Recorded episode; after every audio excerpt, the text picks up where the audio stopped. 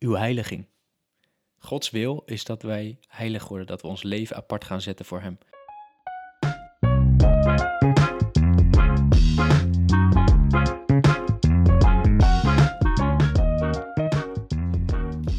Welkom luisteraar, leuk dat je weer bent ingeschakeld. Op een of andere manier ben je weer bij ons terechtgekomen, de Vast Voedsel Podcast. Geweldig. Tegenover mij, je hoorde het net al zit, Brent Vlezenbeek. Hallo. Dit keer met een mooi shirt aan. Eh, Brent, ik zie op je shirt staan Pastor Brent. Ja, Uitleg of niet? dit is wel eh, een bijzonder verhaal inderdaad. het zit namelijk zo, ik, ehm, ik doe een bijbelschool, die ken je wel. Volgens mij heb jij hem ook gedaan. Dat klopt. We hebben nog bij elkaar in de klas gezeten. Ja man. En eh, ik word altijd, ehm, word ik altijd Pastor Brent genoemd door mijn klasgenoten. En toen heb ik voor mijn verjaardag een shirt gekregen met Pastor Brent erop. Geen toga, ik had dan nog wel een toga verwacht. Nou ja, Of een mijter dat met was ook leuk geweest, maar dat is denk ik duurder. Oh ja, dat is waar ja. ja. Maar ehm, ik durf hem natuurlijk niet echt in het openbaar te dragen, dus vandaar dat ik hem af en toe nu aan heb. Lekker. Maar leuk dat je het even benoemt. Jij hebt een trui aan en er staat Tommy op. Ja, Oh, is, dit, ik is, dit, word door mijn klasgenoot altijd Tommy genoemd. is dit reclame of niet? Nee, we worden gesponsord door eh, Tommy Hilfiger, dat is het. Oh, netjes. Dus eh, vandaar. Eh, maar Brent, welkom man. Ja, wij hebben gewoon tegelijk een bijbelschool gedaan. En jij doet die dus nog steeds. Ik denk dat menig luisteraar, daar, menig luisteraar is daar wel jaloers op, denk ik. Elke dag ben jij gewoon met de Bijbel bezig. Dat is een Ja. goede zaak. Het is echt geweldig, man. Maar ze kunnen het gewoon doen. September gaat gewoon weer een nieuw jaar beginnen, dus meld je aan. Dat is waar. Kingdom Life College in Rotterdam. Hoeveel krijgen we hiervoor betaald? Dit voor is deze? ook weer dit is een grote promotie geworden. Ik stop met werken. We gaan gewoon alleen maar adverteren in deze podcast. Dan, eh. Oké, maar we gaan het ook ergens over hebben vandaag. Ja, Eh, jij hebt, eh, ik zie hier een heel drukwerk, bijna een soort van boek heb jij hier liggen met aantekeningen. Ik ben al begonnen aan mijn eigen evangelie. Oké, Ja, ja, oké, hou op. sorry. Eh, een heel drukwerk heb ik hier liggen. Dat is niet van onze printer, die is kapot namelijk. Maar die heb je ergens anders weten te printen. En voordat we daarin duiken... ehm, het past natuurlijk weer goed bij alle andere podcasts... en, en we hebben weer zo'n Ja. mooi verhaal. Maar voordat we daarin duiken... heb ik toch even één vraag die jij vorige keer aan mij stelde. Dat is deze vraag. Ja? Wat is je absolute motivatie om deze podcast te doen? Gewoon de podcast in het algemeen. Niet specifiek deze aflevering, maar alle afleveringen bij elkaar. Mijn motivatie voor deze podcast is dat ik hoop dat de waarheid van God mensen gaat bereiken. En dat iedereen in Nederland, of je nou naar de kerk gaat of niet, gewoon gaat ontdekken dat het leven met Jezus gewoon de ware bedoeling van ons leven is. En dat geloven niet is alleen maar naar de kerk gaan of weten dat iets waar is, maar dat het je leven verandert. Ik heb het in mijn eigen le- leven meegemaakt en ehm, ik denk als dat eenmaal echt gebeurt in je leven, dat je dat iedereen gunt. Mooi. Dus bij deze man. Mooi. Als je luistert, ik hoop dat je leven wordt veranderd door God. Mooi. En dat je hem leert kennen, want dat is echt het beste wat je kan overkomen, man. Als je de Vader leert kennen. Het is het eeuwige leven, nogmaals. Ik ga hem gewoon weer zeggen. Ja. Het eeuwige leven is het kennen van de Vader. Het is gewoon de enige ware bestemming voor je leven. Johannes 17, vers 3. Ja. Alright. Dat was weer een goede intro, denk ik. Wat heb je voor je liggen? En een hele hoop bijbelteksten. Links van mij ligt een Bijbel, rechts van mij ligt een blaadje met een paar stukjes uit de Bijbel erop. En een dopper, zie ik. En een metalen fles. Ja. Oh ja, metalen fles. Lekker versleten. Nee man, we gaan het vandaag hebben over ehm, priesterschap. Jargon. echt een bijzonder woord weer, priesterschap. Maar ehm, de Bijbel spreekt erover dat wij koningen en priesters zijn. Nou, dat vind ik nogal wat. Toch? Als je een koning bent en een priester. Ja. Kijk, bij koning kan ik me nog wel iets meer wat voorstellen. Als je denkt aan, gewoon een koning. Maar wat betekent Ja. het nou weer dat je een priester bent? Waar denk jij dan aan als je hoort dat je een priester bent? Ik denk eerst aan christelijk jargon. Dat Ja. is wel echt christelijk. Een priesterschap en koningschap. Ehm, maar, maar ik denk aan eh, openbaringen. Openbaring 5 volgens mij. Daar staat dat we zijn gemaakt tot koningen en priesters. En openbaring 1 vers 6 volgens mij. Ja. Ehm, En ik denk aan eh Oude Testament. Want ik heb daar een keer een boek over gelezen. Over koningen en priesters in het Oude Testament. En hoe koning David ook sommige dingen deed die een priester deed in die tijd. Oeh, spannend. Ja, daar denk ik nu aan. Ja, man. Je raakt echt eh, de juiste dingen aan die ook op mijn blaadje staan. Inderdaad, openbaring 1, vers 5 en 6, daar gaat het eigenlijk over het offer van Jezus. En ik ga het letterlijk even voorlezen. Het gaat, staat over Jezus, hem die ons heeft liefgehad en ons van onze zonde gewassen heeft in zijn bloed. Hè. Dat hebben we eigenlijk de vorige afleveringen best wel duidelijk behandeld. En ik denk dat iedere christen dat ook wel weet dat het zo is. En dan staat er daarna, en die ons gemaakt heeft tot koningen en priesters voor God en zijn Vader. Oké. Hem die ons heeft liefgehad, dat is de eerste. Ja. Die ons heeft gewassen in zijn bloed, Ja, het werk En- van Jezus aan het kruis heeft ons gemaakt tot. tot koningen en priesters. Dus een soort van drie delen in dit vers. Ja. Lief, hij heeft ons lief gehad, Hij heeft ons lief gehad. hij heeft ons gewassen in bloed. En hij heeft ons dus gemaakt tot twee dingen. Koningen en priesters. En we gaan vandaag specifiek kijken naar priesterschap, of wat het dan is, wat het betekent om priester te zijn. En we kunnen ook nog wel misschien een keer een aflevering doen over wat het dan betekent om koning te zijn. Leuk. Ik kan me wel maar dat voorstellen... komt even deze aflevering niet aan de orde. Ik kan me wel voorstellen dat de luisteraar nu denkt, wat is dit voor vaag iets? Dat, ik kan me voorstellen dat mensen denken, dit, is, dit klinkt echt een beetje vaag.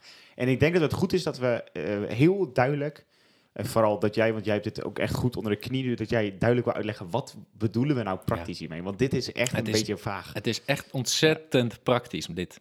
Het heeft echt ja? niks met vaag of, of Ja, heel abstract of geestelijk te maken. Het is echt super praktisch. Ik ben benieuwd, want ik, ik ben ook echt benieuwd hiernaar, man. Maar als we dus willen ontdekken wat het betekent om priester te zijn, wat is dan de beste plek om te gaan kijken? Ehm, Oude Testament? Ja. Ja. Ja. Nee, dat hebben we niet ingespeeld, toch? Vooral? Nee, het leuke is, in Exodus 19, daar heeft God het al over ehm, een koninklijk priesterschap. En dat is voordat hij het verbond gaat sluiten met het volk Israël. Dan zegt hij, als jullie mijn stem gehoorzamen en je houdt aan het verbond, wat jullie met mij gaan sluiten, dan ga ik jullie maken tot een koninklijk priesterschap. En het bijzondere is dat de hoofdstukken daarna, in Leviticus en zo, komen allerlei wetten over dat koningen komen uit de stam van Juda en priesters uit de stam van Levi. Dus koningen konden nooit priester zijn en priesters konden nooit koningen zijn. Dat kon gewoon niet. Het was wettelijk niet toegestaan, mocht niet van God. Ze kwamen uit een, ander, ja, een andere geslachtslijn. Dus dat kon helemaal niet. En waarom was dat? Omdat de taak van koning en priester zijn was weggelegd voor Jezus. Maar wat bedoel je nou? Dus je zegt, Jezus, we- mensen konden het niet allebei tegelijk zijn. Waarom? Verschillende stammen hadden die verschillende ja, dat taken. mocht gewoon niet van God. Ja. En dan zeg jij waarom? Ik denk dus, ik weet niet zeker of dit waar is, maar ik denk dat God het heeft gedaan omdat Jezus was de ware bedoeling om koning en priester te zijn. Dus Jezus was allebei. Jezus was koning en priester. Maar hij kwam niet uit de stam van Levi. Hij kwam niet uit de stam van Levi, dat is bijzonder. En dan zegt, in Hebreeën lezen we dat, hoe dat dan kan. En dan staat er dat Jezus priester is naar de orde van Melchizedek. Dat is misschien een beetje ingewikkeld, maar Melchizedek komt voor in Genesis 14 en dat is eigenlijk een beetje een mysterieus figuur. En eigenlijk de meeste theologen zeggen dat het een verschijning is van Jezus in het Oude Testament. Oké. En daarin staat dat hij koning is van Salem, dat is eigenlijk Jeruzalem, koning Ja. van Jeruzalem, zoals Salem. Jezus dat is. Ja. En priester van de Allerhoogste God. Dus hij was zowel koning eh, als priester. En Jezus is dat ook. Hij is koning en hij is ook onze hoge priester, want hij heeft voor ons verzoening gebracht. Oké.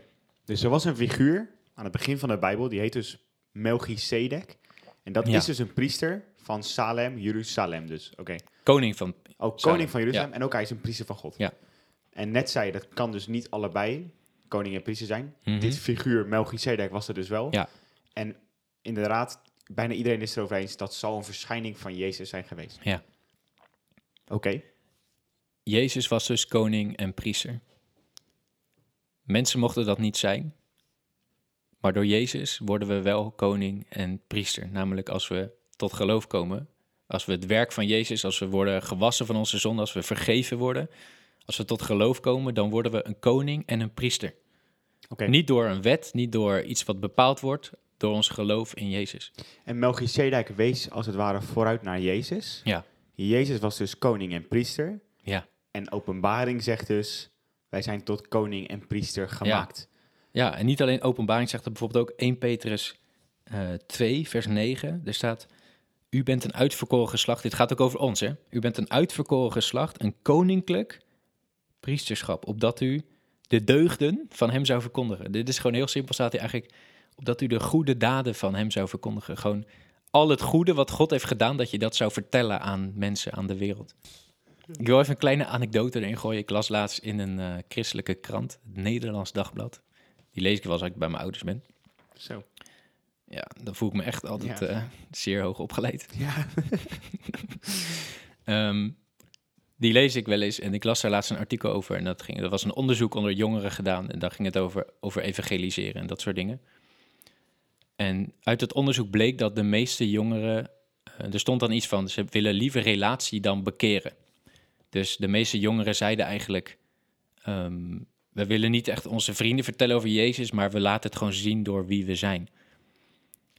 En dat is iets wat je best wel vaak hoort van christenen: dat, ehm, dat we niet het evangelie hoeven te vertellen tegen mensen, maar dat ze het wel aan ons zullen zien. En dat evangeliseren bijvoorbeeld alleen is weggelegd voor, ja, voor bepaalde mensen of zo, bij wie dat zou passen. Mensen zeggen dan heel gauw, ja, dat past niet bij mij, zo ben ik niet echt. Maar één onderdeel van priester zijn, en dat ben je, nou- of je het nou wil of niet, je bent een priester. Als je tot geloof komt, als je in Jezus Ja, gelooft. ja, je hebt niet echt een keuze inderdaad. Je hebt niet een keuze. Ja, je kan, je kan ervoor kiezen of, je er, of je er naar leeft of niet. Dat is jouw eigen... Als het goed is, als je je leven aan Jezus geeft, ga je dat doen. Maar we zijn dus al gemaakt als koning en priesters. Je bent het al. Ah ja, dat is Je hoeft het niet meer te worden, je bent het al. En de bedoeling is dat je daarna gaat leven. En een onderdeel daarvan is dus dat we ook het evangelie gaan vertellen. Dat we de goede daden, de goede, al het goede wat God heeft gedaan, dat we dat gaan vertellen aan mensen. Ja. Hoe vind, jij, hoe vind jij dat om te doen? Nou, ik vind die anekdote van jouw artikel, dat, dat gaat me wel echt aan het hart. Ik word hier echt heel erg namelijk warm van, van evangelisatie. Het enige is dat terwijl jij dat woord zegt, evangelisatie, Ja. dat ik gewoon bij mezelf denk, ik denk dat mensen hier al heel snel een bepaald gevoel over hebben, een bepaald Ja. negatief, Dat denk ik ook. negatief iets of zo. Ja, dat is echt heel jammer, want het evangeliseren is niets anders dan gewoon Jezus delen met de wereld. Ja. En dat is een van onze taken als mens, een van onze voornaamste taken als christen is om dat te doen. En er is ook niks leukers dan dat te doen. Sterker nog, vroeger dacht ik, dus, terwijl ik dus eh, in het eerste jaar van mijn bijbelschool gedaan, of het tweede jaar, sorry, ik had het tweede jaar van mijn bijbelschool bijna afgerond. Ja. Toen dacht ik bij mezelf, eh, ja, dat is, dat, ik ben hier ook niet zo trots op, hè, maar ik, ben, ik heb hier wel echt anders over gaan denken. Maar ik dacht wel eens bij mezelf, ik wil liever gewoon alleen maar tegen andere christenen praten dan met ongelovigen, want ik heb nu zoveel extra geleerd bij de bijbelschool. Hmm. Dan wil ik liever tegen mensen praten die het al, al zoveel weten ervan, omdat ik dan nog meer weet. En dat lijkt me zo leuk. Alleen, dat was gewoon in mijn hoofd. En toen in- was ik aan het werk in Frankrijk en toen heb ik daar een aantal mensen eh, heel de Bijbel kunnen uitleggen. Gewoon tijdens een heel aantal avonden achter elkaar, allemaal collega's die ik daar had in Frankrijk. Ja. En eh, ik herinner me nog gewoon dat dat zo'n grote vreugde was. En ik bedacht me gewoon, ik ben de allereerste die aan deze persoon vertelt dat Jezus voor haar is gestorven of voor hem is gestorven. Oh man, dat En is ik- echt ja. bijzonder. En ik herinner me nog dat ik over het lam van God vertelde. Hoe weird is dat? Dat je aan een ongelovige oh vertelt ja, over het lam van God. En ik herinner me nog dat ik, het was echt super diep geraakt. Ik was weer zo onder de indruk dat Jezus het lam is, weet je wel. Het is niet Mhm. normaal. En ik herinner me nog dat een aantal mensen ook heel hard zaten te huilen. En ook echt diep geraakt waren door God, terwijl ze niks van hiervan afwisten hiervoor. Ja. En toen bedacht ik me, dit is echt het beste ooit. En als mensen zeggen, eh, we willen het liever laten zien door onze daden, dan zou ik zeggen, Ja. waar hebben we dat vandaan gehaald? Hmm. Tuurlijk laten we het zien door onze daden, zeker. En we zullen ook opvallen als het goed is. Ja. Maar hoe gaan we ooit vertellen over Jezus alleen maar omdat we heel goed ons best doen op ons werk en liefdevol zijn? Twee dingen. Eén, als mensen dit zeggen, misschien zeg je dit zelf wel eens, nu heb ik het even tegen de luisteraar, misschien heb je dit zelf wel eens bedacht, dan zou ik aan je willen vragen, gewoon een heel eerlijke vraag, want dit heb ik ook aan mezelf afgevraagd. Hoeveel mensen zijn er tot geloof gekomen puur doordat jij anders leefde? Ja. Ik geloof niet dat er mensen tot geloof komen puur doordat mensen christelijk leven. Geloven komt door het horen van het woord. Het evangelie moet verteld worden. Daardoor komen mensen tot geloof. Omdat God werkt door die woorden heen. Vorige aflevering hebben we het ook over gehad. Over de scheppende woorden van God. God werkt er gewoon met zijn geest doorheen. Dus het moet gewoon verteld worden. Tuurlijk, we moeten het leven en we, we moeten ook opvallen. Ik denk dat we ook opvallen als we echt christelijk gaan leven. Dat mensen iets aan ons gaan merken. Misschien wel aan ons gaan vragen. Wat is er met jou aan de hand? Maar we moeten het ook gaan vertellen. We moeten ook gewoon simpelweg het evangelie gaan vertellen aan mensen. Paulus zegt toevallig, las ik dat laatst volgens mij in eh Romeinen eh, 13 volgens mij, of 12 of 13. Dan zegt hij dat hij in woord en daad verkondigde. En jij zegt dus twee dingen volgens mij net. Dat was Romeinen eh, 10 ook onder andere, waar dus staat hoe kunnen ze Ja. geloven als ze het niet hebben gehoord. Ja. Jezus moet gewoon gedeeld worden. Ja. En hoe geweldig is dat, dat wij mensen mogen zijn die aan andere mensen mogen vertellen over iemand die voor hen is gestorven. Ja. Oké, maar jij zegt dus... Ik, wil, ik had nog een ander ding Ja. trouwens, want dit was Ja. nog maar één ding. wat vind je van de volgende quote? Die wordt heel vaak gegooid als het hierover gaat. Verkondig het evangelie. Je weet al wat er nu gaat komen. Desnoods met woorden. Ja, Wat vind je daarvan? ja dat is de, ik vind het wel echt erg. Ik vind het wel echt erg. We, we kunnen die twee niet uit elkaar halen. Wie heeft dat ooit bedacht dat we die twee aan elkaar halen? Gelukkig gebruikte Jezus daden en woorden. Ja. Gelukkig maar. Hoe kunnen we nou die, ooit die twee aan elkaar houden? Hoe kunnen we nou ooit alleen maar eh, aan onze daden dingen laten zien, maar niet de Christus zelf verkondigen? Mhm. En Paulus is zo duidelijk dat hij alleen maar Jezus de gekruisigde wil preken. Ja, ja. De ene hoofdpersoon om wie het draait.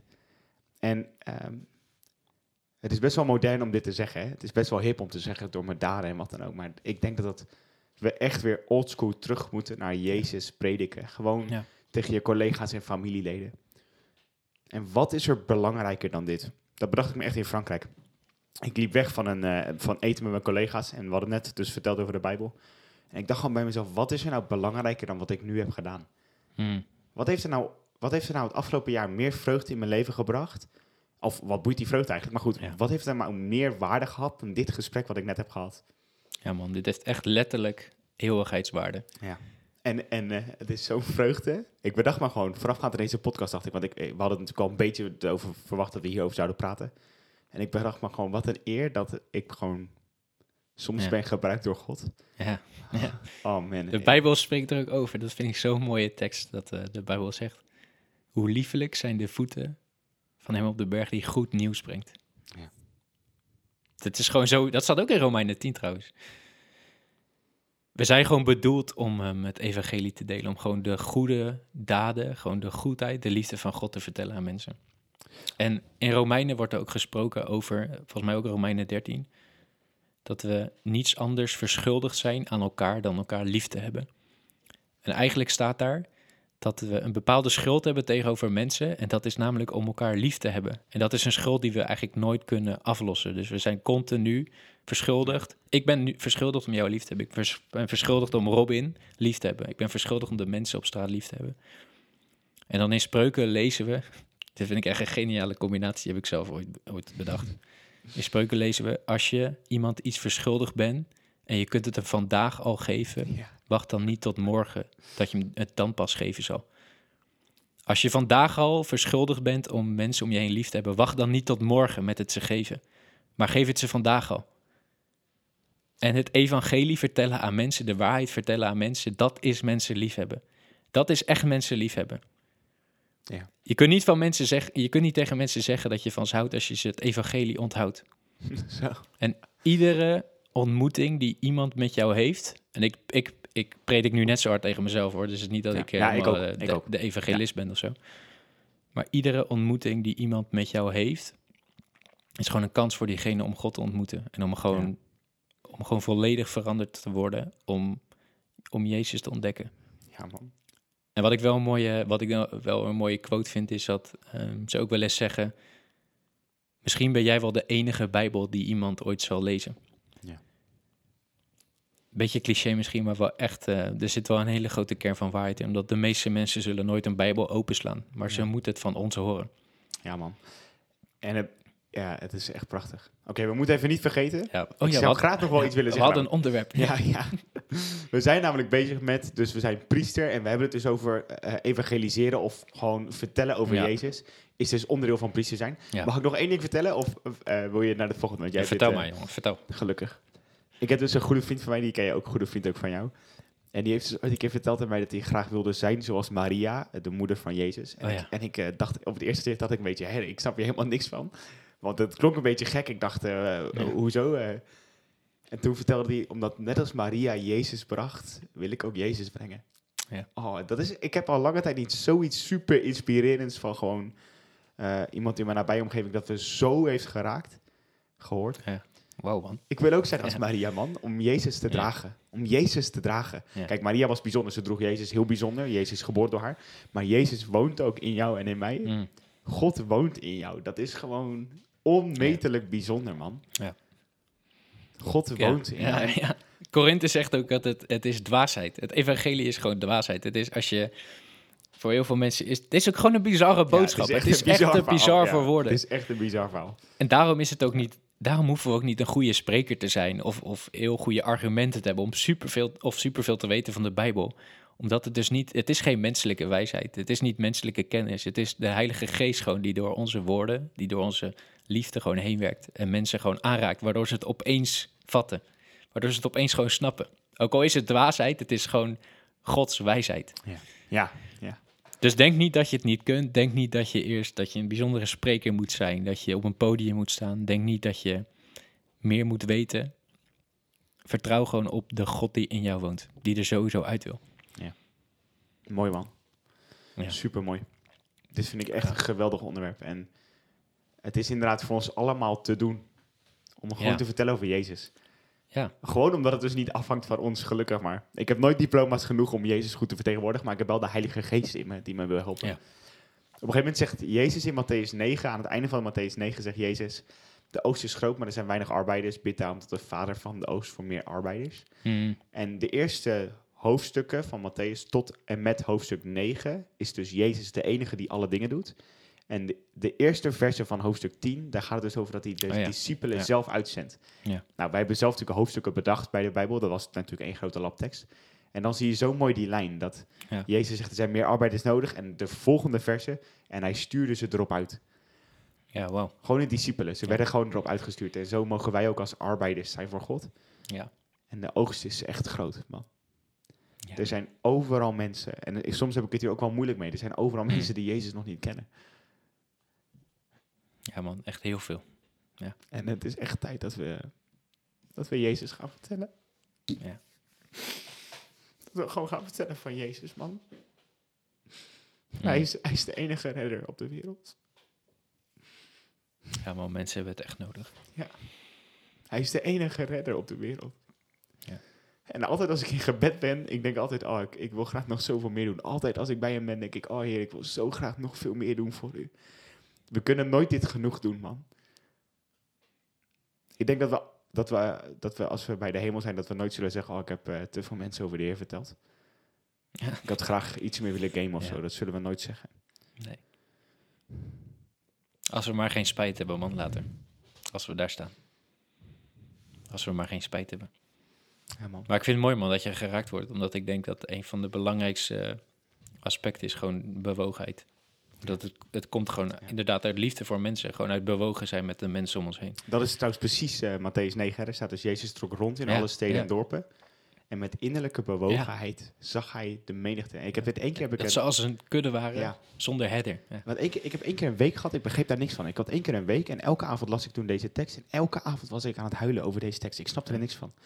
Maar omdat er inderdaad staat, een menigte die maar, wat, die maar rondwaalde, want ze hadden geen herder. Ja. Dat zijn gewoon Ja. sommige mensen. En Ja, man. Ik heb hier echt nog een bijzonder verhaal over. Ehm, ik heb dus een keer, eh, echt, echt twee jaar geleden, hebben we een keer een avond ook gehad over, over het hart van God en over bewogenheid. En toen gingen we ook aan het eind van die avond vragen aan God of hij ons, een, of hij ons zijn hart wilde geven voor mensen, of we gewoon bewogen mochten worden met mensen. En ehm, het gekke is, of het bijzondere is, als je dat gaat vragen aan God, dan gaat hij het ook echt doen. Dus het is ook, je vraagt het misschien makkelijk, maar er komt ook wel iets bij kijken. Omdat als je echt bewogen raakt met mensen, heeft dat een enorme impact op je leven. En die dag daarna liep ik door de stad. En daar stond een vrouw te collecteren voor, volgens mij voor het MS, MS-fonds. En ik, ik raakte gewoon met haar in gesprek en ik kwam erachter dat zij zelf MS had. En dat zij, ze zei dat ze ging overlijden en dat ze eigenlijk niet meer aan het collecteren was voor haarzelf, maar gewoon voor de mensen die Wow. dat zouden krijgen. Zo. En ik weet nog zo goed dat ik, dat ik dacht, ehm, ik wil voor haar bidden en ik wil gewoon voor haar genezing bidden en ik heb het niet gedaan.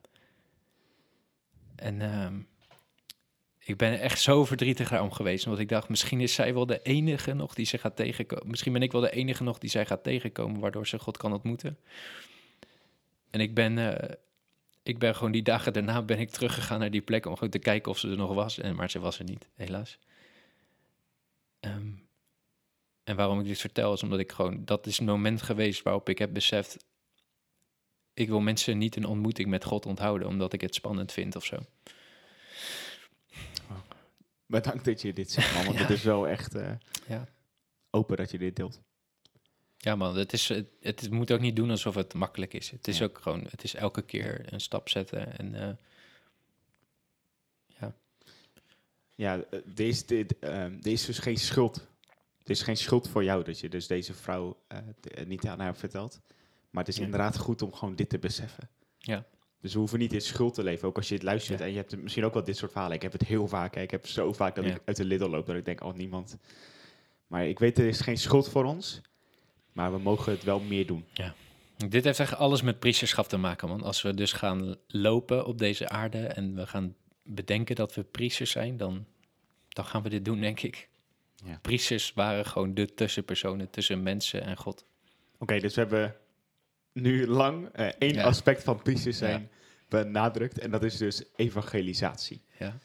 Eh, wil je nog wat meer vertellen over eh priesterschap? Ja, Onze, man. onze agenda gaat weer een beetje anders. Kijk, ik voel dat we nu weer een beetje eh, een soort overgangetje gaan hebben naar een, een soort nieuw topic. Oh ja, oh dus ja. meestal doen we dan zo'n lekker ondeugend bietje erin. Komt-ie. 3, 2, 1.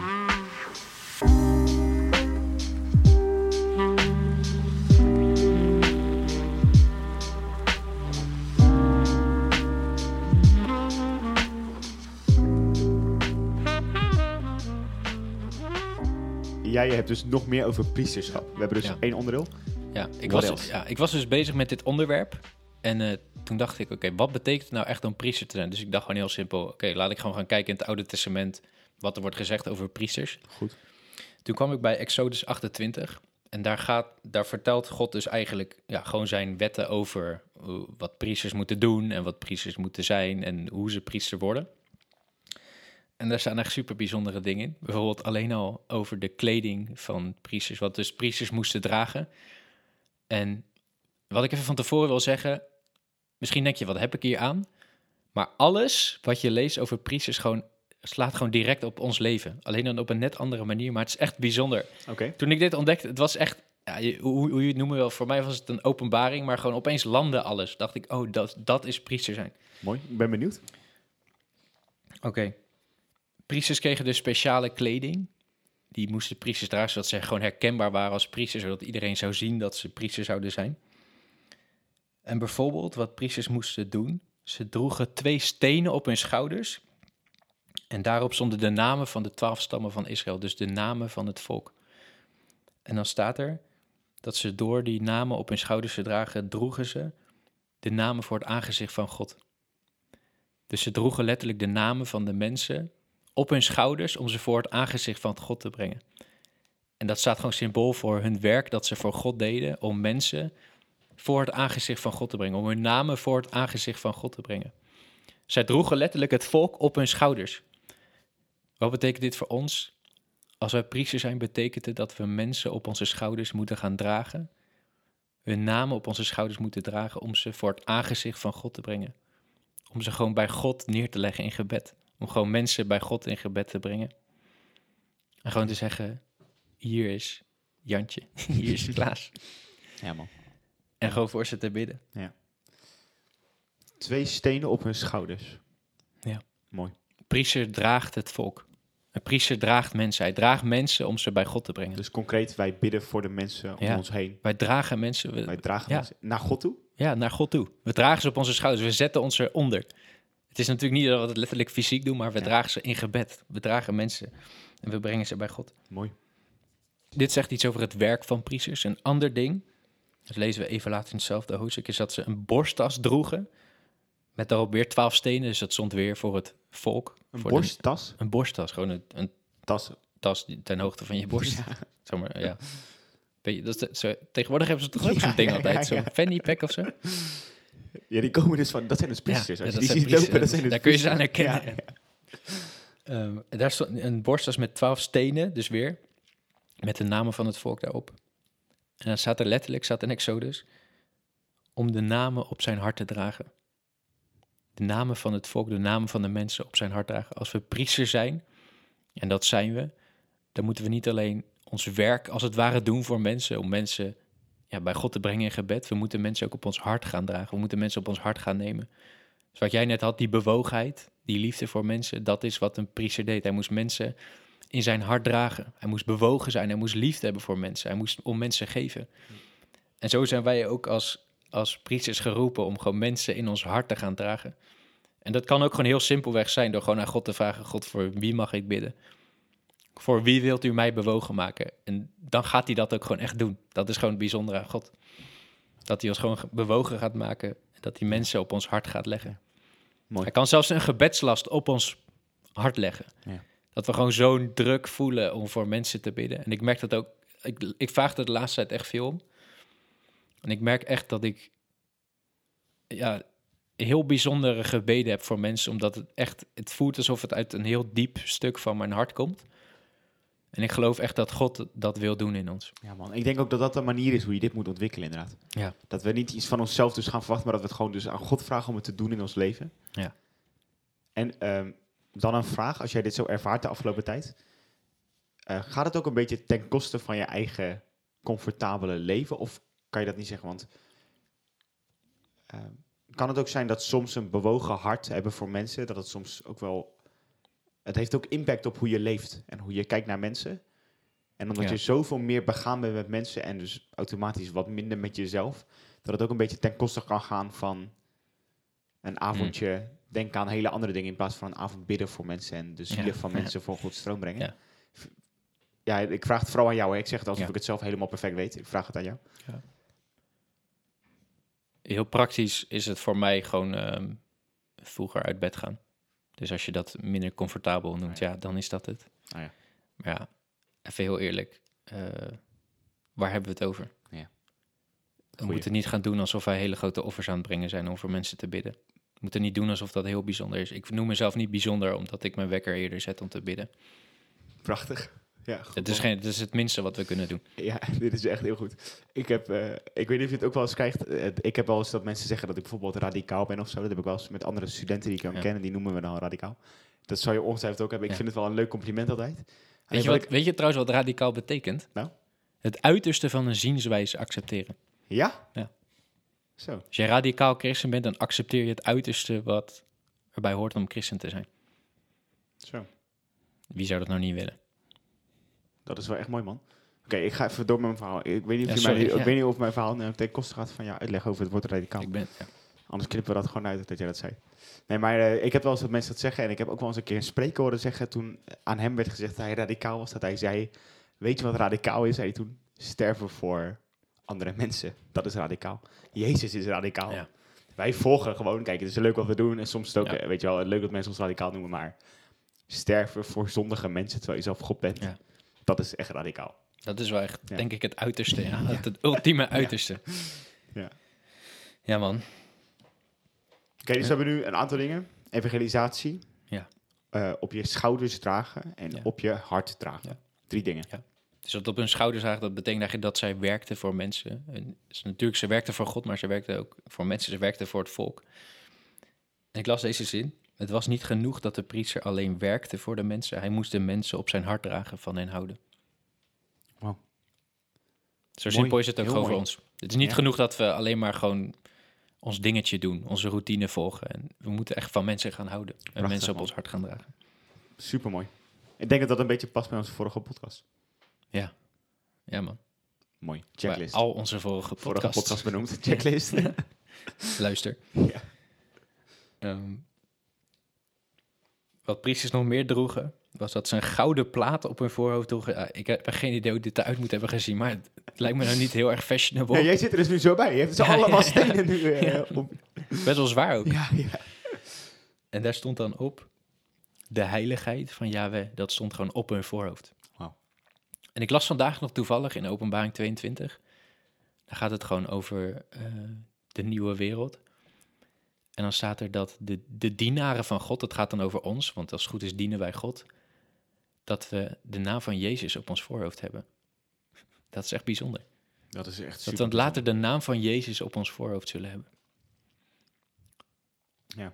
Dat is echt bijzonder, toch? En zij hadden dus... Wat stond er nou bij hun op? De, heiligheid, van, van, Yahweh. Yahweh. In het Hebreeuws natuurlijk stond het. Zo, en... Oh, dat maar is- dat liet dus zien dat ze dus priesters in allereerste plaats dat ze dienaren van God waren. Tuurlijk, ze werkten voor mensen, maar in allereerste plaats waren ze Ja. dienaren van God. En wat betekent het heiligheid? wij denken bij heilig altijd aan schijnheilig of aan, of aan een heel vroom leven of perfecte dingetjes. Heilig zijn is gewoon simpelweg apart zetten. Priesters hebben hun leven apart gezet voor God. Ze hebben als het ware gezegd, God, hier is mijn leven. Ik geef het gewoon helemaal aan u. In alles wat ik doe. In Mooi, alles wie ik ben. mooi. Ik zet mijn leven apart voor u. Priesters gaven gewoon hun leven ten dienste aan God. Heel mooi. En dat, dat mooi. iedereen die die gouden plaat zag, die wist dat ze dienaren waren van God. Dat ze hun leven apart hadden gezet voor God. En ook wij als priesters, wij zijn bedoeld om heilig te leven. De Bijbel spreekt er ook over dat we, ehm, dat we heilig zijn. De Bijbel noemt ons ook heiligen. Het betekent niet dat we, weet ik veel, een hele bijzondere staat zijn, maar gewoon dat we apart zijn gezet. Dat ons leven apart moet worden gezet voor God. Voor God om gebruikt te worden. We moeten streven zelfs naar heiligheid, staat in Hebreeën 2. Romeinen 12, levende offers zijn we. Heilig Ja. en welbehagelijk voor God. Ja. Mooi man. Ja. Zo, dit is echt, eh, je hebt echt mooie dingen die je benoemt. Nog één mooie tekst. 1 Thessalonicense 4 vers 3. Er staat wat de wil van God is. Drie keer raden wat er staat. Uw heiliging. Gods wil is dat wij heilig worden, dat we ons leven apart gaan zetten voor Hem. Dat we net als een priester gaan zeggen, ik ga mijn leven gewoon volledig gebruiken voor U. Ja. Ik ga mensen op mijn hart nemen, ik ga mensen dragen in gebed, ik ga van mensen houden om ze voor uw aangezicht te brengen. Letterlijk staat er ter gedachtenis voor zijn aangezicht te brengen, zodat God aan die mensen gaat denken, kan denken. Zodat God gewoon ook bezig is met die mensen. Klinkt misschien een beetje gek, maar we zijn gewoon bedoeld om priesters te zijn, om van mensen te houden, om ze te dragen en om ze gewoon bij God te brengen. Oké, we hebben nu vier of vijf verschillende aspecten van priester gehad. En we hebben dus ook even gelezen over dat we dit dus zijn. We kunnen niet echt kiezen of we priester willen zijn. Ja. Jezus heeft ons dat gemaakt. Ja. Ehm, maar hoe eh, komen we hier? Want dit klinkt allemaal super mooi. Misschien eh, dat er wel luisteraars zijn, en ik heb dat zelf ook, dat ik denk: oké, het klinkt echt super mooi. Ik zie het nog niet altijd terug in mijn leven. Hm. Hoe word ik zo'n priester? Ik wil zo'n priester zijn, man. Je bent het al. Oh ja. Je bent al een priester. De vraag is, ben je bereid om te gaan leven als een priester? Oh. Ben je bereid om echt je leven ten dienste te geven aan God? Dat, dat priesters deden dit gewoon letterlijk. Heel hun leven stond gewoon in het teken van werken voor God. Als het goed is, heeft God niet 50% van ons leven. Ook niet 60, ook niet 70, ook niet 99. Maar als het goed is, heeft God 100% van ons leven. Ja. Zijn we bereid alles eh, aan hem te geven, alles voor hem op te offeren als het ware. En het bijzondere is, priesters die brachten ook offers. En het Nieuwe Testament spreekt erover dat wij ook offers brengen. Namelijk Romeinen 12 vers 1 spreekt over dat we onszelf als levend offer aan God Ja. geven. Dat we onszelf als levend offer aan God geven. We zeggen, God, ik ben hier. Het mooie is, we hoeven niet meer te sterven, want dat heeft Jezus gedaan. En in onze doop sterven we. We zijn een levend offer, een offer dat niet meer sterft. Een offer dat Ja. altijd zal blijven leven. Ja.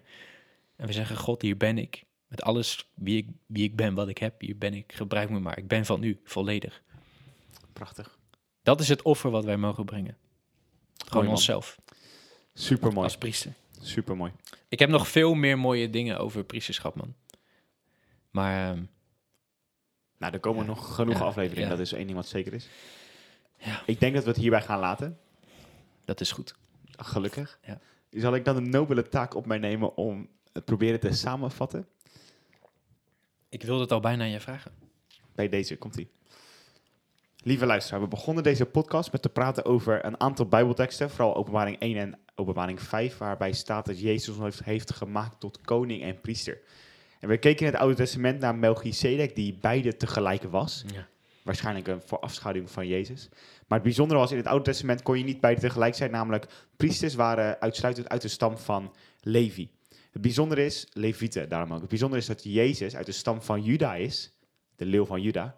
En dat hij dus koning en priester was. Ik doe iets wat bij samenvatting niet mag, nieuwe dingen zeggen. En dat hij dus koning en priester was. En hij maakt ons dus nu ook als koning en priester. Ja. En de dingen die bij priester komt kijken is dat we evangeliseren. Het volk op onze schouders dragen, oftewel naar God brengen. Het volk op ons hart dragen, mensen in ons hart dragen. Ja. En zoals de priesters heiligheid van Jahweh op hun voorhoofd hadden staan, heilig leven.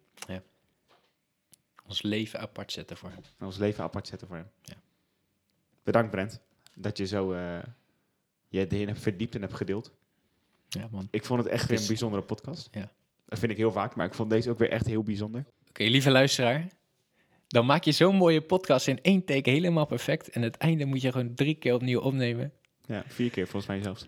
Dit is de vierde keer. Ehm, het was weer geweldig dat je hebt geluisterd. Maurits, ik heb er weer van genoten. Het is ook echt een plezier om te doen, man. En ik zeg het weer steeds opnieuw, maar het is gewoon ontzettend leuk. Ik ook. Ook gewoon om voor te bereiden. Gewoon, weet je, de Bijbel induiken, nieuwe dingen leren.